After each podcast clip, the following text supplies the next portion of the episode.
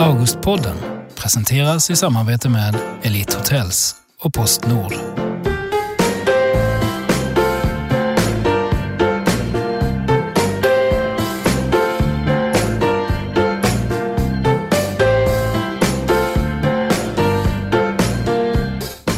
Välkommen till Augustpodden. Programmet som inte dömer dig för att du just tackade nej till en middag för att istället stanna hemma och mysa med nya Millenniumboken och samtidigt ta selfies med din katt. Om jag talar av egen erfarenhet? Ja, kanske lite grann bara. Det är höst och det är ju faktiskt himla gött. För hösttider är Augustpristider. Den 23 oktober, save the date, då avslöjar vi vilka som är nominerade till årets Augustpris i de olika kategorierna. Och vet du vad? Du är välkommen att vara med på plats under det stora tillkännagivandet. Dessutom tänkte jag, ja men jag tänkte faktiskt droppa en kul Augustnyhet idag. Så är det. Hösten brukar ju också innebära ett fyrverkeri av spännande boksläpp och en av författardebutanterna, han är med mig här i studion idag. Han är killen som får mig att skratta åt det jag skäms för mest, mina fördomar. Och kanske har du sett den här 29-åriga komikern från Knivsta i Parlamentet, på en standup-scen eller i SVT-serien Absolut svensk. Nu så släpper han en bok med samma namn och precis som i programmet så lyfter han på locket till vardagsrasismen i Sverige och ger upp med sina egna fördomar också. Och dessutom så åker han på en alldeles speciell resa till en plats dit många andra aldrig skulle våga ta sig.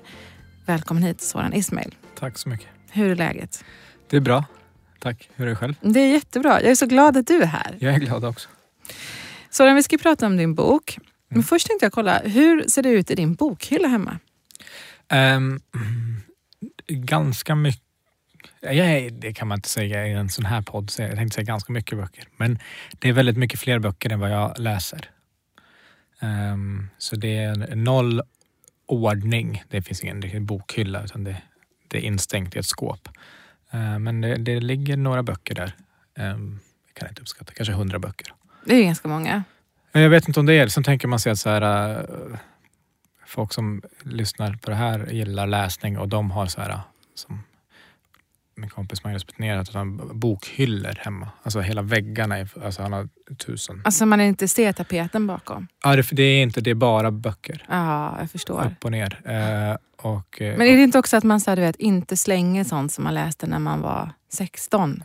Mm. Och att man också fyller man... ut med lite kurslitteratur? Kanske. Har jag hört de som ja. gör. Ja, kanske det. Men det är bara att det är eh, eh det är väldigt mycket. Det här är väl... Men jag, jag, så jag har lite jag har några böcker men jag har inte läst så himla många. Jag har börjat läsa många fler än vad jag har avslutat också. Hur blir det så då? Jag har jättesvårt att koncentrera mig och sitta still och koncentrera mig på en sak. Så jag kan inte läsa under några längre perioder utan ja, efter ungefär 7-10 minuter så tar jag inte längre in vad jag läser. Mm. Alltså då läser jag om samma mening tre gånger. För vad var det jag läste nyss? Eh, så, så att, eh, och då blir det att man inte plockar upp det igen. Det Eller, är så himla vanligt ju. Men jag tror, det. Ja. jag tror det. Eller så är den inte så bra, boken. Mm. Eh, alltså de finns också. Det är inte, men, men det är inte rättvist. Vissa böcker har jag slutat läsa för att de inte är bra. Och vissa, de flesta är för att jag inte är så bra på att avsluta saker som jag påbörjar. Men minns du senast som du faktiskt tyckte att en bok var värd mer än sju minuter av din investerade tid? Ja, fast jag motsätter mig den värderingen du lägger i det. För det handlar inte om vad jag tycker det är värt eller inte, utan det är att det liksom är, är så gott som uh, omöjligt. Det är liksom en, ADHD kommer i vägen för det.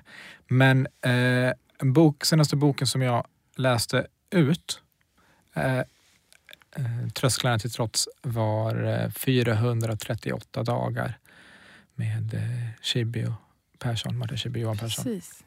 Och det var eh, för inte så himla länge sedan ändå, kanske ett halvår sedan. Och ja, vet inte. Det är svårt att, uh, att värdera, särskilt när man inte är en bokslukare heller, att rangordna. Men jag tycker att den är fruktansvärt bra. Vad var det du gillade med den? Den blev ju också Augustpris-nominerad. Mm.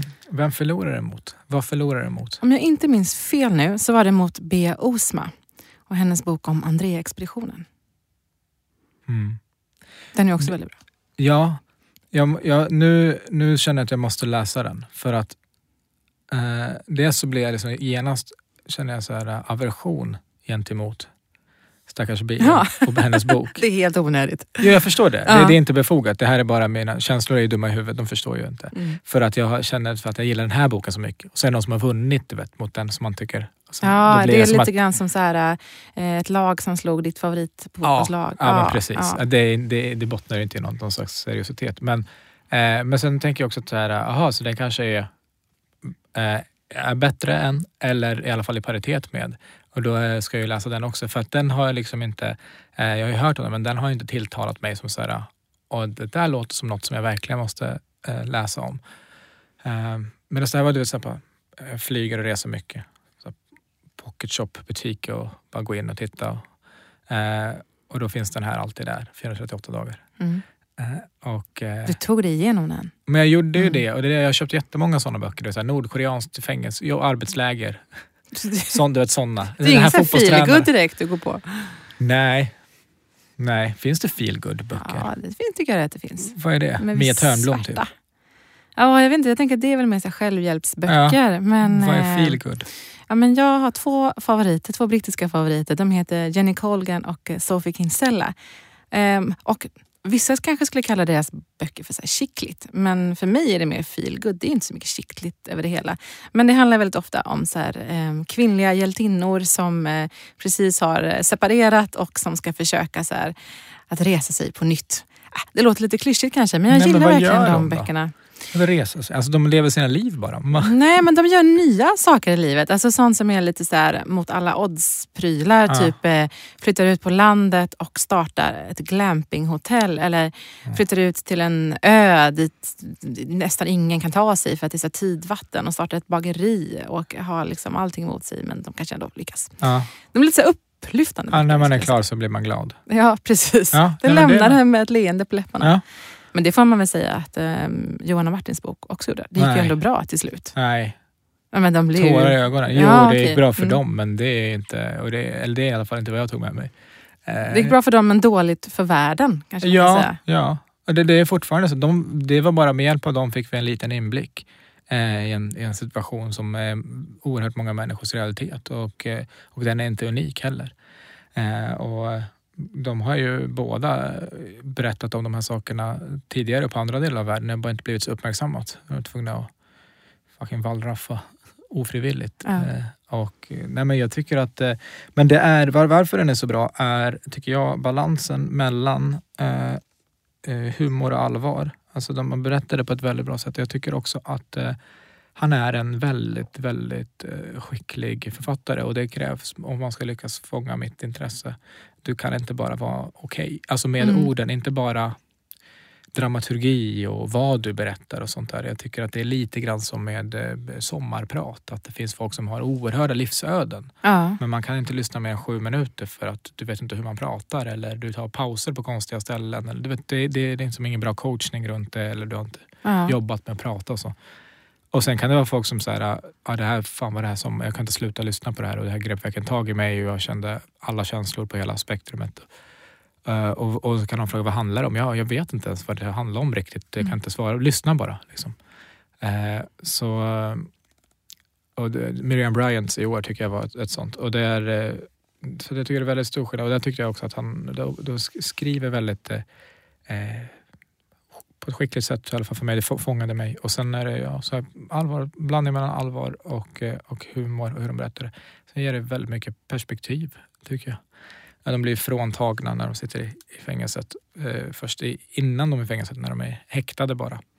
Och det var så mycket som jag inte visste. Alltså det var ju lite slarvigt men mycket när sådana nyheter blir jätte, jättestort och det, du vet det är överallt. Och Ja. det så jag, du vet, man, ser, man ser något nyhetsinslag och sådär men sen är det, jag går inte in och grottar ner mig i allt det där. Tycker inte det så men eh, då var det, det var kanske saker som alla visste men jag, vet, så här, hur, skenavrättningar, att de bli skjutna och hur länge de vandrade i öknen, alltså hur, nära de var att dö på riktigt. Det Ja. var liksom inte bara så här, ja, de blev fängslade och fick sitta och det var jobbigt. Utan det var ju fullkomligt livsfarligt. Och sen de satt häktade och blev eh, isolerade och fick sitta själva. Och sen vad det betydde när de hamnade bredvid varandra, fick dela cell sen. Mm. Bara den mänskliga kontakten. Ja, för det är också en del av hela den här berättelsen. Att de tar varandra till hjälp för att överleva och vad som händer med deras relation. Att det verkligen blir en livboj för dem båda. Ja, visst. och hur mycket det betyder. Alltså att de känner glädje. Alltså, de känner en glädje som kanske är, är starkare än vad de någonsin har känt av att bara få dela en jävla skitig cell med liksom lergolv, en blöt madrass. Du vet, det är en fruktansvärd situation skulle de flesta anse. Men de känner genuin glädje för att det de var med om nyss var värre. Ja. För att de blivit fråntagna något så grundläggande. Och också, alltså jag har fått eh, äran att, att träffa Martin efter det här också. Samtalat lite och, och diskutera kring att de här känslorna kan man inte heller ha sen. Alltså det, vi människor fungerar så, vi kan inte komma ihåg en känsla. Vi kan, komma, eh, vi, eh, vi kan inte känna vad vi kände då. Vi kommer ihåg det kanske, men inte så som det var. Så även om han fattar att han, eller vi, borde vara tacksamma säger vi. Mm. Vi har mat och vi har kläder och med våra familjers bakgrunder och allt sånt där också. Så här, det kunde varit si och det kunde varit så. Liksom. Men man går inte runt och varje dag känner genuin tacksamhet. Vet, som, som att du inte har mat. Det är en annan... Och, ma- ma- och även man, fast han har känt det så, så försvinner ju det efter ett tag. Till slut så blir det något annat standard. Då. Eh, och det kanske man känner skuld istället för att man inte känner det som man kände då och inte mår som de andra mår och medfångarna och så. Men du, på tal om tacksamhet så är det faktiskt någonting som du också tar upp i din bok. I din bok eh, eh, Absolut svensk där du eh, ja, men lyfter på locket till vardagsrasismen i Sverige. Eh, du åker till Trollhättan och men försöker förstå vilka åsikter som finns där och det här, några månader senare så sker det här fruktansvärda dådet. Du gör upp med dina egna fördomar och utsätter dig för ett fördomstest. Ehm, men det finns ju också en viss tacksamhet i som blir resultatet av att du gör en resa till eh, Kurdistan. Kan du inte berätta om vad det är för resa som du gör i boken? Ja, eller jag vet inte om det är tacksamhet som ligger bakom, men anledningen till att jag reser till Kurdistan i, i, i boken och det är från tv-serien Sorgens krig också är, är för att ta reda på om det som är kriget där nere, om det är mitt krig också. Och eh, anledningen är för att den frågan som, som hela mitt liv så har omgivningen undrat om jag är svensk eller kurd. Så då har både jag och omgivningen gjort det. Som alla undrar så har jag också tänkt att det står mellan de två sakerna.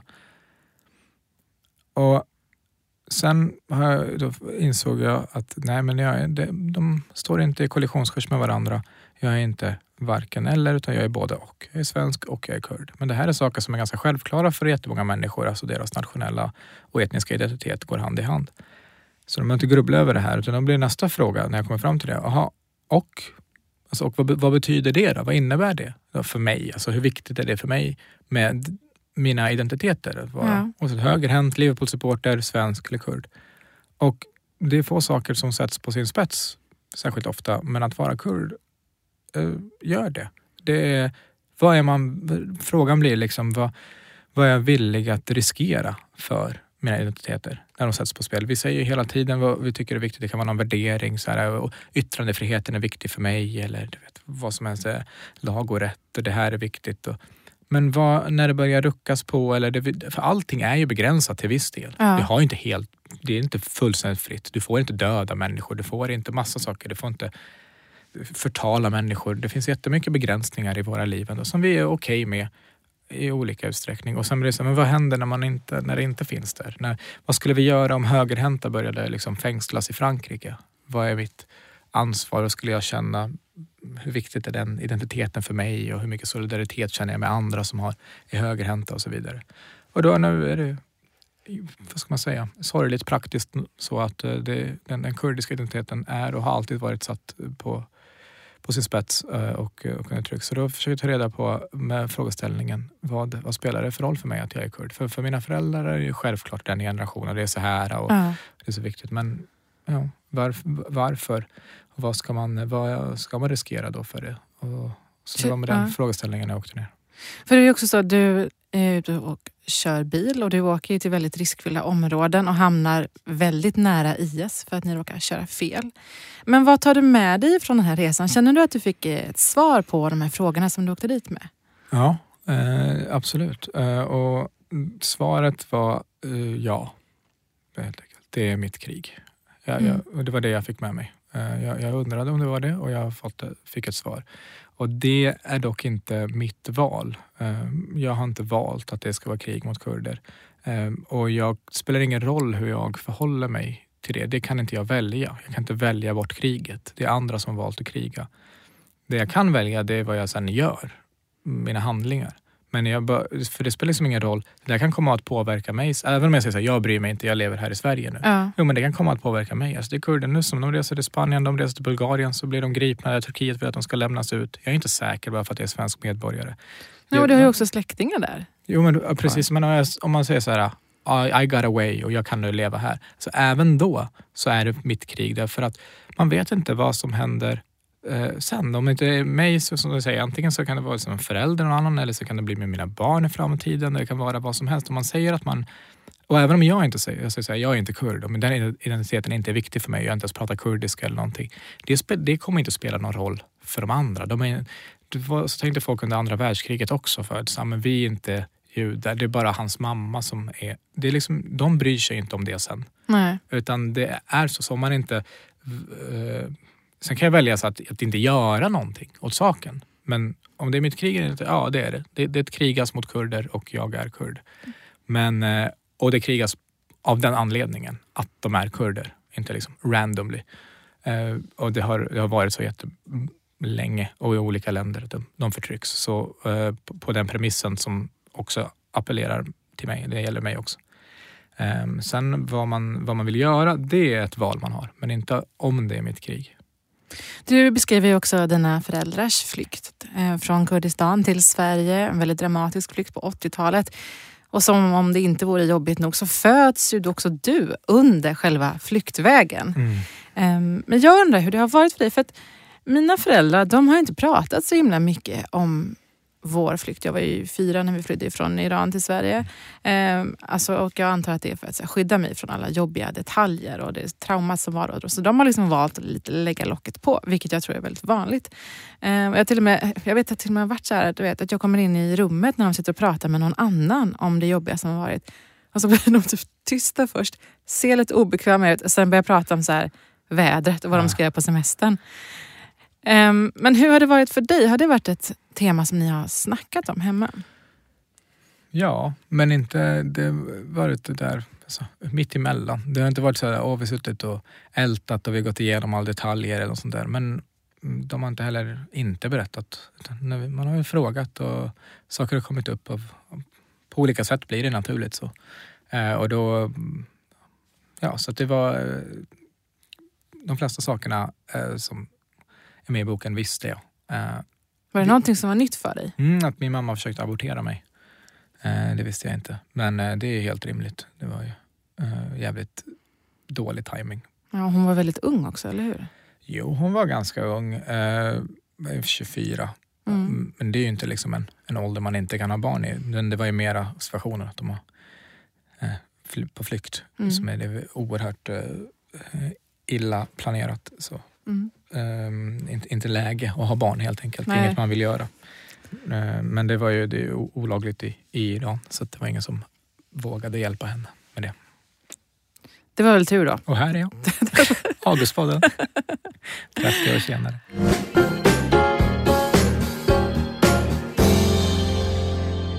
I den här boken så skriver du också om hur du avskydde hemspråksundervisningen i skolan. Och då var det så här, då stannade jag till lite på den sidan och läste det där flera gånger. För det där har hänt mig också. Ja. Berätta, vad var det du ogillade med hemspråksundervisningen när du kom till Sverige? Jag vet, vad, för jag vet inte hur det var för dig när du gick i skolan och hur många som... Eh, men för mig var de, det var väldigt få som hade liksom en, en annan etnisk bakgrund. Eh, så det det, var, det det betydde var att tio över två på tisdagar gick folk hem. Och jag och sex personer till typ väntade en 20 minuter på att hemspråksläraren kom och hade hemspråk med oss eh, i en timme eller vad det var. Och sen fick vi gå hem. Så vi hade, betydde att vi hade skola längre och det var ju väldigt tråkigt. Eh, det, var, det var bara, och också ytterligare såklart en påminnelse om att man var annorlunda. Eh, och på ett sätt som man inte har valt. Ja. Um, så det var, jag, jag hatade det verkligen och jag tyckte om skolan. Jag var liksom duktig i skolan så, men det fanns liksom ingen anledning. Det här är som att vara duktig i en jävla eh, så här, parallell... I, alltså, vem, ingen tävlar i det här. Förstår du? Det finns inget... Så här, duktig, det fanns inget prov. Nej. Nej, det fanns det faktiskt inte. Nej, alltså, vet du, och han var, han var jättesnäll. Han pratade som en annan dialekt också. Det var, det, var, och vi var ju också olika åldrar och sånt där. Det kändes som, jag har inte varit det, men det känns som folks beskrivning av SFI och när mina föräldrar beskrivit det och sånt där. Du vet att det är så hej vild blandning Ja. på liksom vad, vad Och olika kunskapsnivå och eh, Exakt. olika förutsättningar. Ja, att få sitta där och bara så, vad är det här? Ah. Liksom? Eh, det det och kurdiska barnprogram. För det var som liksom belöning för att kolla på TV. Fick ni se det på själva lektionerna? Nej, när jag kom hem sen så var det som över, var så vi kollade på TV, ba- barnprogram. Ja, och du kollade på kurd, så lika mycket kurdisk TV jag fick kolla Du på. ville se Disney-dags, Ja. men egentligen? Ja, och sen istället så kollar man på liksom en jävla puppet show för det var ju väldigt undermåliga produktioner Mm. eh, på Kurdistan TV som var förbjudet i många länder på grund av Turkiet. Eh, och det var ju så oerhört jobbigt för att jag fattar att många lyssnar och tänker så här, ja men när jag var ung så hade vi inte så många. Nej jag vet, men när jag var ung så hade vi det. Mm. Men jag hade inte det. Eller jag hade men jag var först tvungen att liksom kolla på massa kurdisk barn-tv. Mm. Sen eh, fick jag kolla på det som var bra och liksom välgjort. Och, eh, så att eh, det var mycket kring det där, eh, ens, ens kurdiska identitet som var kopplat till eh, negativa känslor på ett eller annat sätt. Men för min del så var det, jag avskydde också hemspråksundervisningen. Mm. För det var ju också en sån påminnelse om att så här, du tror att du är som alla andra, eller du försöker vara det, men det är du inte. Mm. Och det var så himla tydligt. För jag kommer ihåg, jag älskade eh, att måla och rita när jag gick i skolan. Eh, och då var det så här, en lektion i veckan, fredag eftermiddag. Då var det så här, bild. Mm. Och så minns jag att fröken sa så här, och idag alla elever så ska vi rita jättefina djur och höstlöv. Så ta upp era kritor. Och så hann jag precis ta upp kritorna och jag hade laddat och jag tänkte så här, nu ska jag rita en jättegullig kanin. Mm. Och då ringer telefonen i klassrummet. Jag vet inte om de finns fortfarande, de här klassrumstelefonerna, men den hängde på väggen och det ringde. Och jag visste precis vad det var. Ah, Och så bara, mhm, mhm, så pratar fröken i den, lägger på luren och så säger hon högt ut i hela klassrummet, det var också lite otaktiskt kan man ju tycka. Tara, nu måste du gå för nu är det hemspråksundervisning hos Tarané. Hon heter Tarané, mm. min hemspråkslärare. Och då var det så här, alla typ tittade på mig och bara, "Ha, ska hon gå nu? Och jag fick liksom plocka ner de här kriterna igen i min låda, Ja. sen dra iväg till Tarané. Och där var det ju, det var inget fel på henne, men det var ju hysteriskt tråkigt. Plus att det var en det var en jävla mobbare i den klassen faktiskt. Det var det. Honom kommer jag aldrig förlåta. Eh, det fattar jag inte då. Men han var ju så nyanländ i Sverige. Han blev så sjukt mobbad i sin klass, alltså den svenska klassen. Eh, och han, hade ju liksom, han tyckte skolan var viktig men han hade ju ingen chans att glänsa där. Men när han kom till hemspråksundervisningen då var ju han stjärnan. Såklart. Och då var det som det där klassiska, du vet mobbaren som börjar mobba. Så han började mobba mig för att någon gång i, sitt, i sin tillvaro få lov att överläge. Så jag blev mobbad på hemspråksundervisningen. Jag blev så retad i min vanliga klass för att jag skulle iväg. Det var bara Och katastrof. du fick inte ha bild. Jag fick aldrig ha, jag fick aldrig rita de där fina höstlöven. Men Och så minns jag, jag kom märkligt. tillbaka, jag kom tillbaka till klassrummet, till mitt vanliga svenska klassrum. Och så hängde det liksom massa fina teckningar på väggarna Ja. som mina skolkamrater hade gjort. Och så hade jag inte fått göra någon. Utan jag hade fått liksom sitta där och bli retad av den himla Mm. bullig killen i min hemspråksundervisning. Och det är både jätte eh, problematiskt och sorgligt och jättefint. Ja, Eh, för att jag tycker att det är eh, det, det är någonting som eh, singles you out. Vad heter det? Liksom det, det, det bekräftar ett utanförskap, en, en känsla av ett utanförskap att du är annorlunda och inte som andra. Eh, samtidigt så är det att man får behålla sin identitet och inte bara att jag får behålla den utan att eh, för om det gäller oss till exempel så fick, flydde vi för att vi inte fick vara kurder. Eh, och tvingades fly för våra liv, allt, lämna allt vi hade. Så flydde vi hundratals mil, kommer till ett nytt land, främmande människor, främmande kultur, främmande språk. Och här, inte bara får vi vara kurder, utan det uppmuntras. mm. Det går från allas peng, betalar Så att jag ska få gå och lära mig. Och det är, för att, det är klart att jag inte uppskattar det som, som barn. Liksom, som barn Nej, för man var dum i de- huvudet när man var åtta. Liksom. Ja, men man, alltså, du har ingen helhetsbild då, du har ingen perspektiv. Inte, du blir inte glad av att du måste borsta tänderna heller, men det fattar man sen att det är bra Mm. att jag har gjort det. Liksom och sånt. Men, men det innebär, för jag tror att liksom, ju mer hotat någonting är, desto svårare har man att ta till sig något nytt. Så i och med att jag känner att det här, min, min kurdiska identitet är inte hotad, jag, jag får vara kurd, så är det mycket mer sannolikt att jag tar till mig av det svenska. Att jag sen så här, ja, men det, här finns det lite jul och lite påsk och allt vad det kan vara. Men om det var, vilket det annars ofta är i, i, i retoriken, att det, det ställs mot varandra. Då tror jag att det är mycket svårare. Liksom. Om det är, är, du, är du svensk eller är du kurd? Är du iranier eller är du, är du svensk? Då blir det liksom så här, aha, måste jag välja? Och då är det jättemycket svårare att tvinga människor att, att, att välja bort något för att vara det andra. Eh, så, så, men, men i sak så tror jag att den här hemspråksundervisningen är ett, eh, det säger ganska mycket om oss. Jag det, är helt, det finns jättemånga som tycker att det, är liksom, det ska inte skattepengar gå till. Och det, det får man tycka, men jag tror att man underskattar hur mycket man får tillbaka av det, hur mycket det i alla fall ger människor. Och även om vi slutar med det idag så har det gett eh, många människor eh, en stark eh, det har stärkt deras eh, självkänsla och identitet framförallt eh, för, för alltid. Och Ja. det är nog värt väldigt mycket. Liksom. Det finns ju också forskning som visar att de som har kunnat ta till sig av hemspråksundervisning har också lättare att lära sig svenska språket sen. Mm. Så att det är också konstigt att ställa det mot varandra. För att det stämmer ju inte. Det uppmuntrar ju till båda inlärning av båda språken. Eh, Kan du läsa kurdiska nu? Väldigt dåligt alltså. Jag tog mig lite vatten över huvudet eh, för ett par år sedan. Läste in, så lovade att läsa in en, eh, kurdisk, en barnbok på kurdiska. Okej. Eh, Så på, på svenska den kom på svenska och engelska och kurdiska. Det var en irländsk-amerikansk författare som skrev en barnbok. Aha, mm. Jag fastnat lite för det kurdiska. Och sen så och kurdiska också gavs ut på Kurdiska biblioteket i Stockholm. Kommer du ihåg vad boken hette? Granias tårar. Lyckades du då? Nej, det, eh, pappa hjälp, försökte hjälpa mig att läsa Ja. det. Men eh, Öz fick läsa det på kurdiska. Okej, Özz Nujen, Ja. komikern. Ja. Precis. Eh, Jag läste den på, på svenska helt enkelt. För att det blir, inget, det blir verkligen inget flyt. Alltså jag läser det som du vet, ett barn som ska Mm. lära sig läsa. Jag är, alltså det är oerhört dåligt. Men, ta- eh, pappa talar är kurdiska? Jag talar kurdiska, Ja. absolut. Och jag Bryter förstår, du när du pratar kurdiska? Nej. Okej. Ja, Jag pratar ju persiska fast jag bryter på göteborgska. Det låter ju så Gör du? goofy. Ja. Gud vad knäppt. ja, det är jättesjukt. Mina släktingar skrattar åt mig. Men sen Hur så gör du? när jag Pratar du pratar... engelska då? Nej, men då bryter jag också på göteborgska. Ja, okej. Fast mindre än när jag pratar persiska. Eh, konstigt. Jag tänker eftersom du kom hit när du ändå var fyra, du Ja. kunde prata sådär. För jag, men alltså när man är fyra, man har ju så begränsat vokabulär ändå. Jo men det har satt sig, alltså du har ett språkfönster som har öppnats, du har börjat, liksom börjat prata och kommunicera Ja. på perfekt persiska. Eh, och sen så, eller perfekt men fyraårings Ja. upp till den nivån. Eh, Jag, jag bryter inte med det, var att min, min vokabulär är eh, alltså här, jag bryter inte särskilt grovt. Det finns vissa ord som är, eftersom vi har eh, kurdisk, kurder från Irak så är väldigt mycket, och kurdiska har inte varit ett språk som fått användas i skolan så, utan det, väldigt mycket arabiska har ju nu kommit in i, i våran kurdiska. Eh, och en del av de där orden är, kan vara lite svåra att uttala, men jag ska säga liksom, överlag så när jag pratar kurdiska så, så låter det inte knäppt, men det är be- begränsad vokabulär som är problemet snarare. Mm.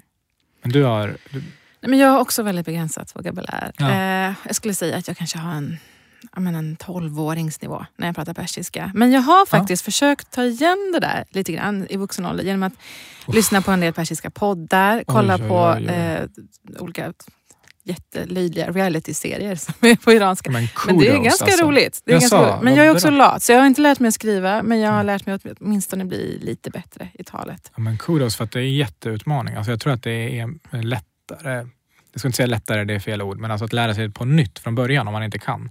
Därför att det, för mig tycker jag det är, det är världens största, alltså att det, för jag vet ju vad jag inte kan, typ så. Så det är så Ja. mycket så jobbigare och svårare. Annars om man lär sig ett språk på nytt, då är allt, du blir belönad hela tiden av din hjärna. Ja, lär, alltså, nu kan jag räkna till tio och nu kan jag fönster.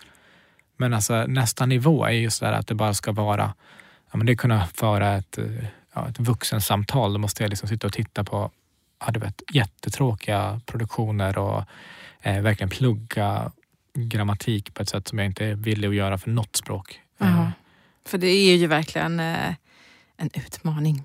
Du, när man ser ut som dig och mig Soran, då får man ju ändå ganska ofta frågan så här. Jaha, var kommer du ifrån? Mm. Vad säger du då? Jag försöker ta reda på vad de menar. Alltså för jag vet att det finns två Mm. man kan med. För antingen undrar de var i Sverige är du uppvuxen? Eh, för vad, är det där för dialekt eller talfel du har? Mm. Eller så undrar de eh, var man har sina etniska rötter. Eh, så antingen säger jag Knivsta eller så säger jag Kurdistan.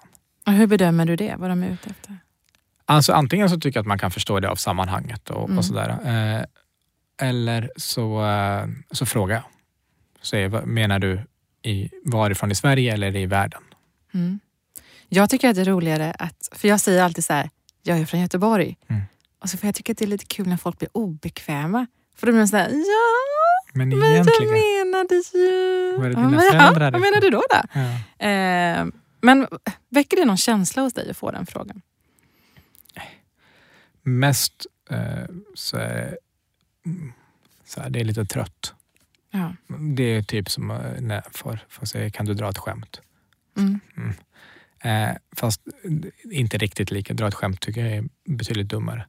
Eh, för jag förstår liksom, jag tycker inte det är särskilt dumt. Jag förstår verkligen varför folk frågar. Eh, men man kan också ha en, skulle kunna ha en viss förståelse för att människor tycker, jag tröttnar på den frågan.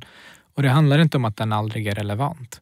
Det handlar om att eh, den kanske inte alltid måste vara mest relevant. Ja, för den säger ju inte så himla mycket om män. Ja, fast den, den, säger, den säger ganska, alltså, av, av, vad gäller frågor så säger den ganska mycket. Men det är ganska mycket som gör. Du vet, så jag så hur gammal är du? Vad jobbar du med? Var kommer du ifrån? Du vet, hur, eh, det säger någonting. Alltså det, det är en start för en diskussion och det, det, är, det är inte ointressant. Och ibland är det du vet, så här, ah, är du från Iran? Eh, Pratar du farsi? Jag kan det här på farsi. Och så, du vet, det är någon, någon sammankoppling, det är någonting kul. Det blir som någon är så från Bollnäs. Men jag har en polare från Bollnäs. Ni är typ lika gamla. Råkar du veta vem det är? För mig är det ofta så här, kommer du från Iran? Aha, eh, känner du Ali? Ja, men visst. Jag vet, och det är liksom... Eh, och det är, man kan ju så skoja om det och det, det, är, det är absolut eh, knasigt. Men jag fattar också eh, associationen människor gör och att de vill hitta någon slags gemensam punkt. Det är bara att man kan också förstå att det är lite tröttsamt. Att, för det är så himla ofta den första frågan. Ja, Och det är just sådär att man blir dels påmind om att sitt utanförskap, det ofrivilliga som man inte har valt dessutom.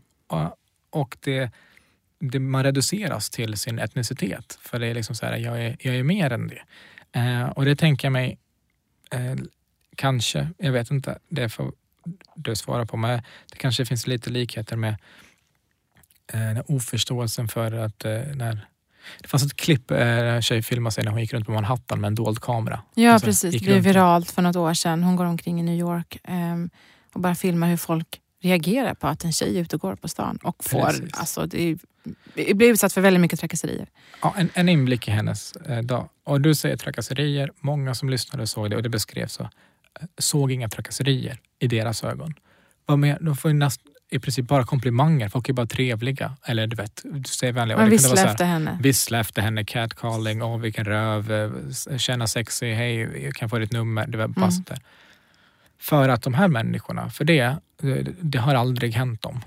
Det, det, skulle, de kan inte, det, det händer dem inte att de går, det skulle vara en dröm, för, det, för så är det inte för dem. Att de går och det är någon som bara säger tjena snygging. Ja. Ja. Att man, för de blir aldrig sexualiserade. Mm. Och då kanske man inte förstår hur jobbigt det är att alltid bli det. Eh, och det är väl samma sak där, att det handlar väl inte om att så här, man blir sur om någon säger fan vad du är snygg. Men om det är det enda och hela tiden det första. Det är liksom inte vad du gör. Det är inte vad du säger eller någonting, dina tankar eller dina prestationer som bedöms utan ditt utseende. Då blir det tröttsamt för att man är mer än det. Det betyder inte att man inte bryr sig om sitt utseende eller att det är helt irrelevant. Jag tänker att det, att det kan vara lite likt med att, så här, det att jag är kurd det är inte oviktigt eller betydelselöst men det är också lite tråkigt om det är allt jag är i andras ögon. Precis, och framförallt tänker jag också att den här frågan, att det är väldigt tråkigt att, att börja i den änden när man ska lära känna någon. Jag har faktiskt försökt nu att, att inte heller fråga, det första jag gör när jag träffar nya människor, så här, vad jobbar du med? Mm. Att istället börja fråga så här, ah, vad, tycker du om att göra? Och det har lett till att så här, middagsdiskussioner som annars kunde bli lite så här, tråkiga, du vet när man sitter och lyssnar på någon som jobbar på något ganska trist kontor. Istället kan börja med att liksom så här, jaha, spelar du tennis? Kul! Hur gör man det? Eh, det blir helt enkelt lite roligare tycker jag att träffa nya människor när man börjar i den änden. Jag tror att det är jävligt smart och det är nog något som man behöver liksom reflektera över för att så gör vi. Så det är liksom inget, det är inte konstigt när man, att folk frågar var är du ifrån? Men man behöver kanske bara förstå att för mottagaren så är det alltid den frågan man får och alltid först eller topp två frågor. Eh, och som du säger, det skulle ibland vara intressant och, och samtala om något annat också. Ja. Jag satt, en gång hamnade jag bredvid eh, kronprinsessan eh, på, eh, med en kompis och kollade på en pjäs som en annan var med i och han var kompis med Daniel. Så de var där samtidigt och tittade. Alltså efteråt, om jag kommer inte ihåg om det var premiären eller någonting, så efteråt var vi ett, ett gäng som så här, ah, de dricker lite bubbel och så sitter och pratar en halvtimme. Och jag råkade hamna stå, precis bredvid henne. Och så upptäckte jag hur oerhört svårt det var att ha small talk med kronprinsessan. Därför att, vad frågar man? Ja. Vad jobbar du med? Jag vet vad hon jobbar med. Ja. Har du någon syskon? Jag vet det här. Mm. Jag är inte särskilt intresserad av kungafamiljen på något sätt. Men, men de här grundläggande sakerna vet jag. Så man, fick liksom, man var tvungen att anstränga sig. Ja, hur gjorde du? Nej, jag var ju tvungen att anstränga mig. För då blev jag ju tvungen, situationen var ju väldigt speciell. Men den tvingade mig att tänka i en gång till. För det, när jag tänkte ställa en vanlig fråga så var jag så här, nej det där kan jag inte fråga. Det, och så var jag tvungen att hitta någon annan fråga. Eh, och, och också hon var världens, eh, hon har ju tränat på det hela sitt liv så hon var urproffs och är supergod. Liksom. Så det var inte så att hon på något sätt försvårade, Nej. men underlättade ju. Eh, men sen hittade vi någon gemensam grund i att vi har liksom föräldrar med en annan bakgrund och ja, men annan, hur det är med andra identiteter och hur, hur man själv ser på det och, och hur andra ser på det. Och så här. Det Eh, låter som en jätteintressant diskussion som man gärna skulle vilja ha med henne. Jo, verkligen. Det var, jag, det, var, det var jätteintressant. Men just det här så att situationen tvingade mig. Men det, hade varit, det är inte dumt som du gör. Du, du tvingar dig själv att ställa en annan fråga än den som du helst vill ställa från början för att du är van vid det. Och det tror jag nog att eh, många skulle gynnas av. För samtalen som du säger tar ju en annan vändning, får en annan eh, energi av det. Blev du också lite nervös för att det är just kronprinsessan? Jag hade blivit lite nervös. Nej, men det kan vara också för att hon var så bekväm och soft. Alltså, Det var liksom väldigt opretentiöst stämning. Det var inte så här, ja, det är någon eh, galapremiär, det var ingen kamera, det var ingenting. Utan Okej. det var liksom, eh, nej, vi satt bredvid varandra och jag har inte varit så här, eh, besatt av kungafamiljen och att det är liksom en, en idol. Snarare tvärtom, att jag fick en väldigt, eh, jag hade ingen särskild bild av henne. Det var hon som har vi tittar på när hon fyller år och klippt i band och sånt. Mm. Så var jag så här, fan, det här var ju, jag fick träffa människan. eh, Och inte bara den. Vilken grej. Mm.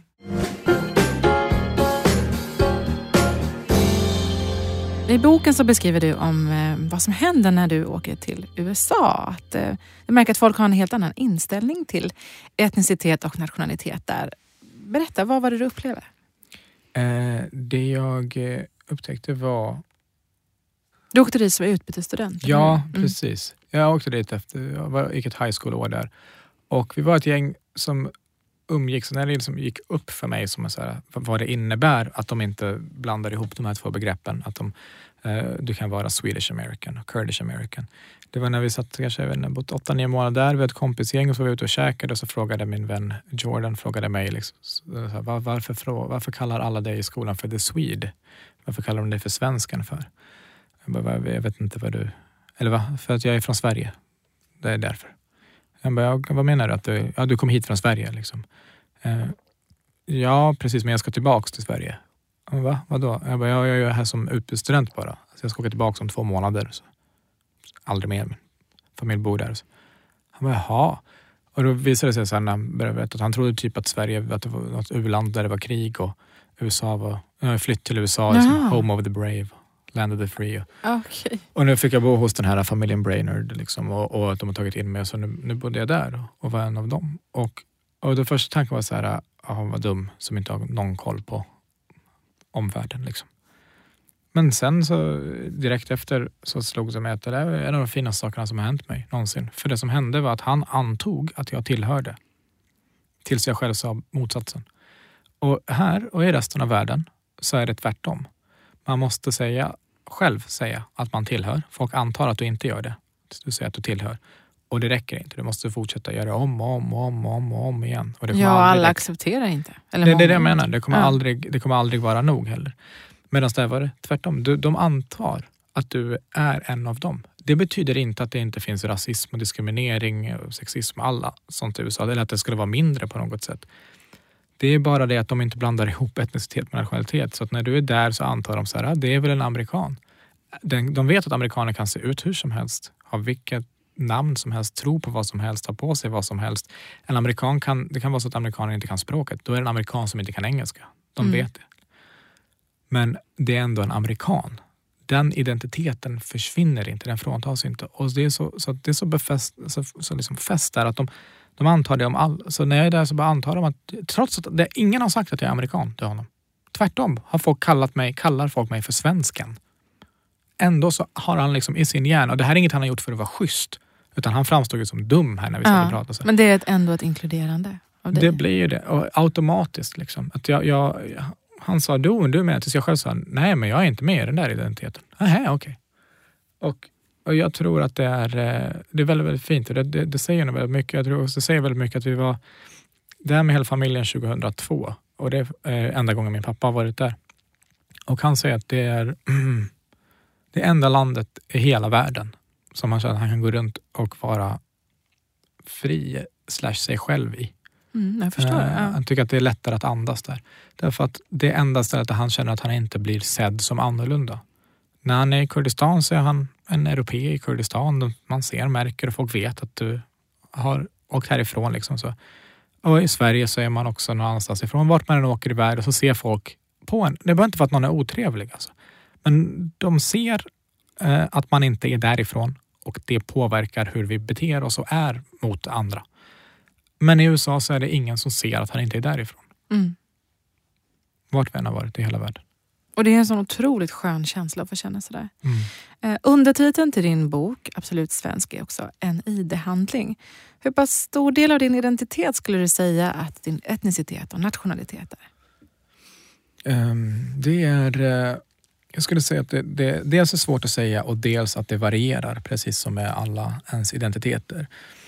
Om jag och du är här i Sverige så är vår svenska identitet inte lika viktig mm, som den är om vi är, eller liksom lika tydlig som den är om vi åker till Grekland. För då sticker, vi, då sticker den ut om vi är ett... Eh, och så, liksom, jag tror också att den är mera eh, avgörande kanske eh, för mig än den är för många som inte som kanske är etniska svenskar för de blir inte påminda om den hela tiden. Där det hela tiden är en, en kamp för mig och fråga, folk ifrågasätter den och försöker ta ifrån mig mitt medlemskap i den här gemenskapen och så. Eh, så men det, det, är en del av mig och det är väl som omgivningen bestämt. Vissa identiteter tycker, tycker människor, när vi kategoriserar människor, så tycker vi att vissa är viktigare. Eh, ålder, längd, etnicitet, tro, kultur, eh, kön, sexualitet. Eh, men, men egentligen är det som allihopa utgör en och de varierar i hur viktiga de är. Liksom. Vissa gånger är det oerhört viktigt för mig att med, med mitt supporterskap till Liverpool och andra gånger kanske det är viktigare sagt, med svensk identitet eller att man är, äh, identifierar sig som, med, med, sina värderingar eller kurd eller äh, vad den än kan vara, en, som, som ens namn. Alltså folk kan också ändra sitt namn, men eller så kan man inte, vissa kan inte tänka sig det. Du Tara, du skulle också bara kunna vara Johanna eller Jonas. Väldigt många iranier just ändrar ju sina namn för att så, passa in bättre till mm. liksom mer svensk eller Daniel. angloklingande namn. Ja. Ja. Namn som har namnsdag. Ja. ja. Och, och vet du, jag måste apropå namnsdag berätta. Jag har alltid saknat att ha namnsdag. Eller inte alltid, mest när jag var barn. Ja, visst, och sen så började jag Bolibompa ha Bolibompa namnsdagar. Eh, egna påhittade för oss som inte har i vanliga almanackan. Och plötsligt så fick jag en Tara-namnsdag. Alltså vet du hur glad jag blev? Jag var typ 31 när det hände. Jaha. Det, men... Gud, jag har en Bolibompa-namnsdag. Jag vill liksom fira och ta igen för alla år av missade namnsdagar. Ja, vi, det fanns en hittepå, alltså en kurdisk, men det var ju samma sak som med hemspråk. Du vet, det där är inte på riktigt. Jag blir inget glad. Uh, och man förstår, det, det är fake. Du vet, man, du det, bara, inte, det bara embrace det så. Då. Man kan inte lura sig själv. Om man vill så här, dyka ner ännu mer i det här ämnet efter att ha läst en bok eller kanske innan som uppvärmning. Jag kan rekommendera en bok som heter Jag var precis som du. Känner du till den? Det låter bekant. Ja, det är en författare som heter Negra Efendic som ja. har skrivit den. Ja. Men det var för att eh, det var henne jag förlorade mot. Vadå? Stora journalistpriset. Ah, Ah, nominerade okej. med tv-serien Absolut Svenska. Hon är alltså eh, Bea Osma för dig. Nej, nej, nej, nej, nej, nej, för jag är inte 438 dagar för Okej. mig. Eh, Så det är helt okej och ha, verkligen, Mm. det unnar jag henne. Hon, eh, hon vann ju då Stora journalistpriset i kategorin Årets berättare. Det här är en självbiografisk bok. Och man får följa henne som ung flicka som flyr från krigets Bosnien och kämpar för att känna sig hemma i sin nya tillvaro. Hon hamnar i småländska Huskvarna. Och det här är en sån otroligt fin berättelse som berör ända in i hjärtats djupaste rum. Och som dessutom, kände jag när jag läste den, fyller i ganska mycket så kunskapshål som jag hade om kriget i forna Jugoslavien. Vi var ju så unga när det skedde Mm. så att man hängde inte riktigt med i vad som hände och jag har aldrig tagit igen den kunskapen. Här får man åtminstone en inblick i vad som egentligen försiggick då. Soran, vad ska du göra resten av den här hösten? Läsa den där boken, eh, bland annat.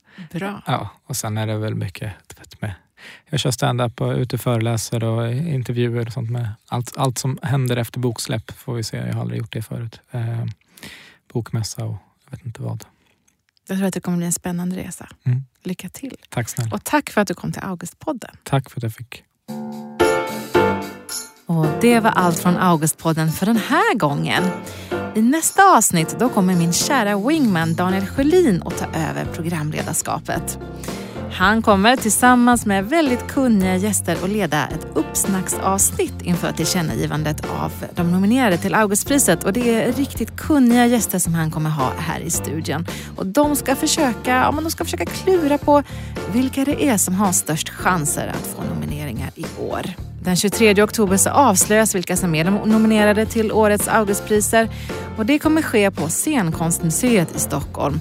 Du är välkommen, men du behöver en biljett så gå in på augustpriset.se så kan du kolla hur man haffar en egen plåt. Det var allt från mig. Jag heter Tara Moshizi. Jag är så glad att du har lyssnat. Glöm inte också att följa oss på Instagram och Facebook. Sök upp Augustpriset så ses vi där. Ha det gött så länge.